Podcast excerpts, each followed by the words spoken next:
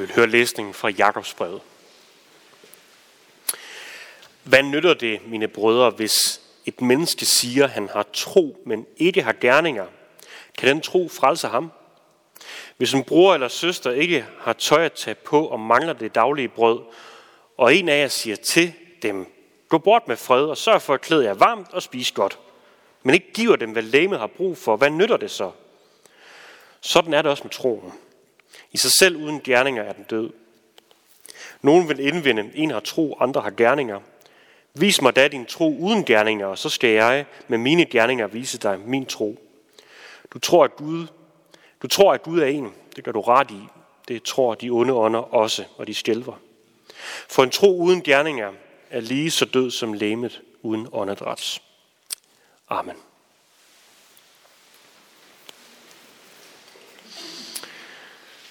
I weekenden der var jeg ude og holde et foredrag, og jeg har fået den titel, der hedder Jesus på dommersædet. Nok nogen af jer mener, der var her, der er herinde, der også var og høre det. Og det, jeg skulle tale ind i, det var sådan en, en temadag om dommedag. Det lyder jo meget opmuntrende. Det var faktisk meget spændende at dykke ned i. Og selvom det på mange måder er et ganske svært emne, og det er svært sådan helt at, at, at gribe om. Også fordi, at der er noget, der skuer i, i mange af vores ører, når vi netop hører eller siger hver eneste gang, vi siger trosbekendelsen, at Jesus, Jesus skal komme igen for at dømme levende og døde. Og også når netop vi hører det, vi lige har hørt fra Jakobsbrevet, en tro uden gerning er en død tro. Og det på mange måder kan være svært sådan helt at, at, at få til at nå sammen med det, som vi ellers hører i kirken. Det der med, at jamen, hvis vi tror på Jesus, så er alt gjort. Når vi så tror på Jesus, så, ja, så hedder det meget flokt teologisk, at så er vi retfærdigt gjort ved tro. Så alt det, der kræves, det er vi blevet, så længe vi tror på Jesus. Netop fordi han døde på korset. Han opstod fra de døde, overvandt døden. Så altså med andre ord, når bare vi tror, så er vi frelst. Så går det så ikke lidt skår i glæden, når vi både bekender Jesus som dommer. Når vi også hører ham, hører Jakob her sige de her lidt mere vanskelige ord, og nærmest lidt bombastiske tale om tro og gerninger. Han på en meget, meget kraftfuld måde får sagt, at jamen, isoleret tro, som på ingen måde bærer præg i vores liv, det er bare ikke nok. Og Jakob han skriver endda også voldsomt provokerende faktisk. Han siger, at du tror på, at Gud han findes. Det gør du ret i. Det gør dæmonerne også. Og de skælver. En tro uden gerninger, skriver han, det er lige så levende som et lig. Det kan godt være, at et lig ligner et menneske, et levende menneske, men det er, det er dødt. Så hvordan hænger alt det her sammen? Vi tror på grund af det, så er vi frelst. Men troen, så at sige, siger, men troen er ikke så at sige, siger Jakob, alene. Der må følge nogle gerninger. Jeg tror egentlig ikke, vi behøver at blive så vanvittigt forbavset over det her. Fordi det er ikke så meget anderledes, end hvis jeg fastholdt min ret til nærhed, min kone, alene er det på grund af det faktum, at der står i nogle papirer, at vi er gift. Men ellers så gider jeg hende egentlig ikke. Så er det rigtigt nok. Ja, ja, vi er gift. Det står i, i hvad hedder det, det, det står i CPR-registeret, det står mange steder, det står, jeg, vi har lovet det hinanden, der er lavet, vi har underskrevet nogle papirer på det. Men jeg er jo flygtet fra alt, alle mine forpligtelser. Jeg svigtede mine forpligtelser, og de, de forpligtelser, som netop hører ægteskabet til. Og endnu værre, så har jeg heller ikke holdt det, jeg har lovet, at jeg vil elske og ære Sissel. Med andre ord, det som den her sådan lidt barske tekst, vi lige har hørt, understreger, og hvilket egentlig ikke på den måde er sådan særlig kontroversielt, det er, at troen, det er en levende størrelse. Troen er levende. Og den giver sig netop udslag i handlinger, ligesom et levende menneske bevæger sig. Hvis troen den ikke var levende, og, og den ikke havde noget handlingsmæssigt udslag, jamen så var troen sådan set udelukkende reduceret til en påstand om noget. En påstand om, at Gud han findes. Og det er faktisk en fare at reducere troen til blot en påstand. Og det er derfor, at fasten, det er altså på ingen måde bare en åndelig disciplin, som skal gøre troens liv surt og træls. Det er ikke det, der er ude på.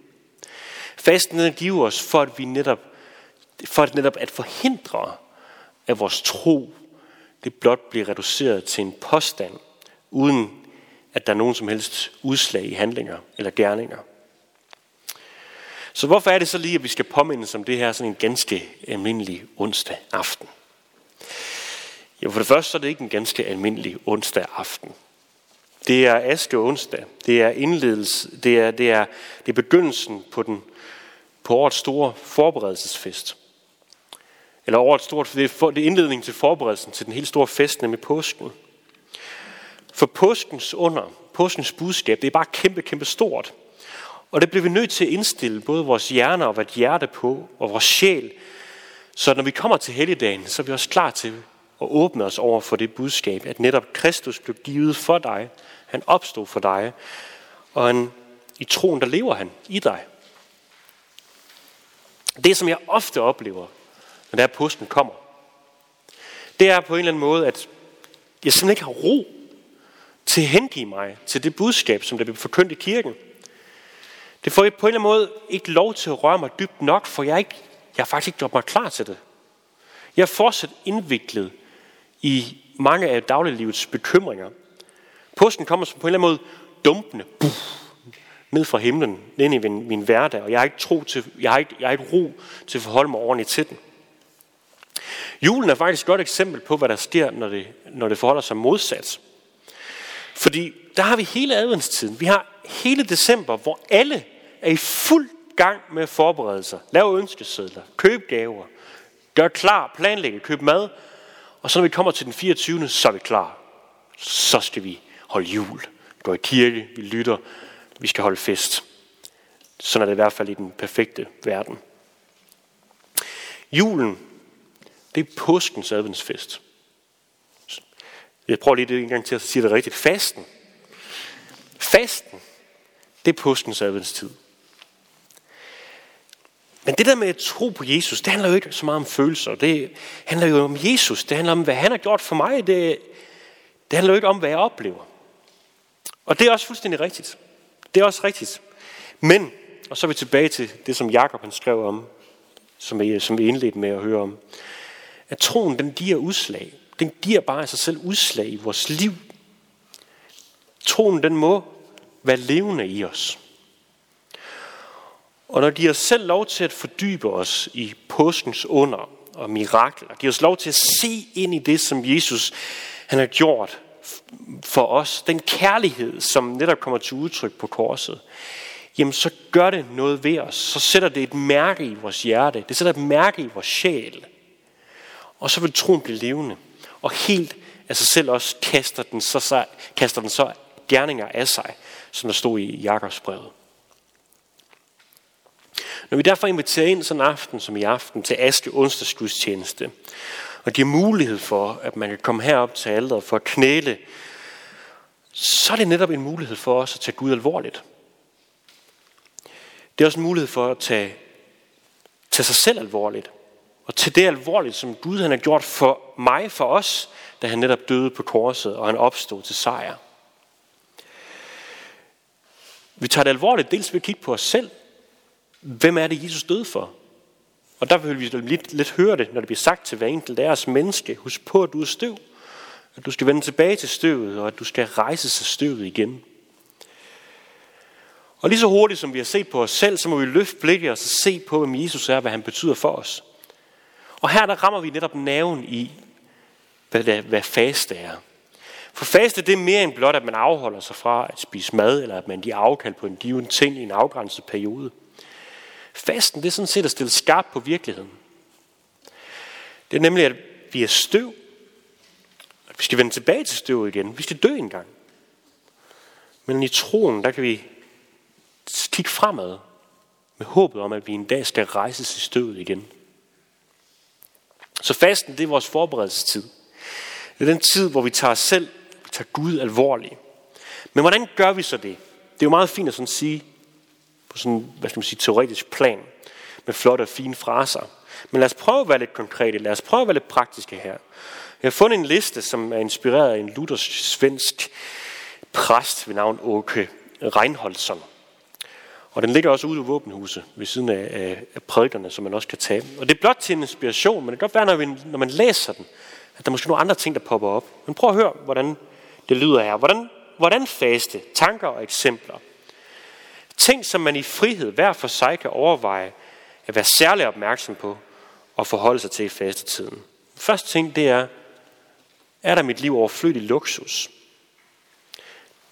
Så det, det vil jeg afstå for, fra, for at leve enklere og sætte pris på, hvad jeg har.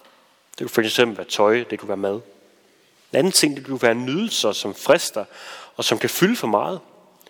Så disse ting vil jeg skære ned på, eller helt afstå fra alkohol, tobak, fjernsyn, computer, mobiltelefon, de sociale medier. Eller kroppen, der forsømmes til dagligt. På denne måde vil jeg behandle min krop bedre, for eksempel ved at dyrke motion. Skødesynder. På disse områder, der vil jeg være særlig bevidst og tage kampen op.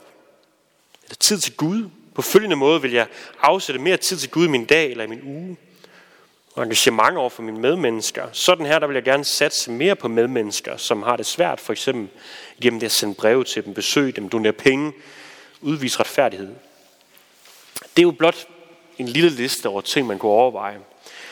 Og måske er der noget her, hvor du mærker, det her, den her ting, det her ben, det skal jeg væk på de næste 40 hverdage frem mod påsken. Måske, ikke, måske alle 40 dage. Måske kun nogen af dem. Måske kun den enkelte dag. Det er bedre og sats lavt, sigt lavt her, end at brede sig ud for meget, og så kan det ikke, kan det ikke bære. Og i øvrigt, så anbefaler alle, at hvis man skal til fest, så bør man bryde fasten og spise et godt måltid mad der. Det Jakob han skrev her så bombastisk, fantastisk bombastisk, det skriver apostlen Paulus faktisk lidt mere spiseligt, og også lidt mere kendt i 1. Korintherbrev kapitel 13. Han skriver, om jeg så havde, om jeg så taler med menneskers og engles tunger, men ikke har kærlighed, er et rungende malm og en klingende bjælle. Om jeg så har profetisk gave og kender alle hemmeligheder og ejer alt kundskab og har alt tro, så jeg kan flytte bjerge, men ikke har kærlighed, så er jeg intet. Om jeg så uddeler alt, hvad jeg ejer og giver mit læme hen til at brændes, men ikke har kærlighed, der gavner det mig intet. Og sammenfattende, der skriver Paulus et andet sted, for i Kristus Jesus, der gør det hverken fra eller til, om man er omskåret eller ej, eller hvad det nu kunne være, om man, om man er god eller ej. Og så siger han, men det gør tro, der er virksom i kærlighed. Det er det, der gør fra eller til. Tro, der er virksom i kærlighed. Og med det der vil jeg gerne ønske jer en god faste. Og gerne opmuntre jer til, at I søger dybt ned i kærlighedens kilde. At give, at de giver jer selv lov til at se på, hvor, hvor meget Gud har gjort ud af kærlighed til hver enkelt af os, så lige præcis til dig. For det der med, at vi intet kan gøre uden kærlighed, eller at, at vi intet er uden kærlighed, det kan forstås på to måder. Den ene det er, hvis mit liv er simpelthen blottet for kærlighedsgerninger, så kan jeg gøre nok så meget godt, men det batter ikke noget. Men det kan også forstås den anden vej rundt. Det er kun i kraft af Guds kærlighed til os, at vores krop, vores sind og vores sjæl for alvor finder et hjem og et fast holdepunkt her i livet. Så god faste. Lad os bede. Kære Gud, tak fordi du har givet os fasten, som på nogle områder godt kan, kan være svært for os. Helt at vide, hvordan vi lige skal gribe an. Men vi beder dig om, at vi i de næste dage og uger må få lov til at få tid og overskud og rum til at dykke ned i det mirakel og det under, der skete på korset i påsken, da du hengav dig selv for vores skyld. Det er ikke bare, at påsken kom dumpende her om 40 dage, men lad os være klar, så vi kan se ind i det, og at vores tro kan blive bevæget af det, vi ser.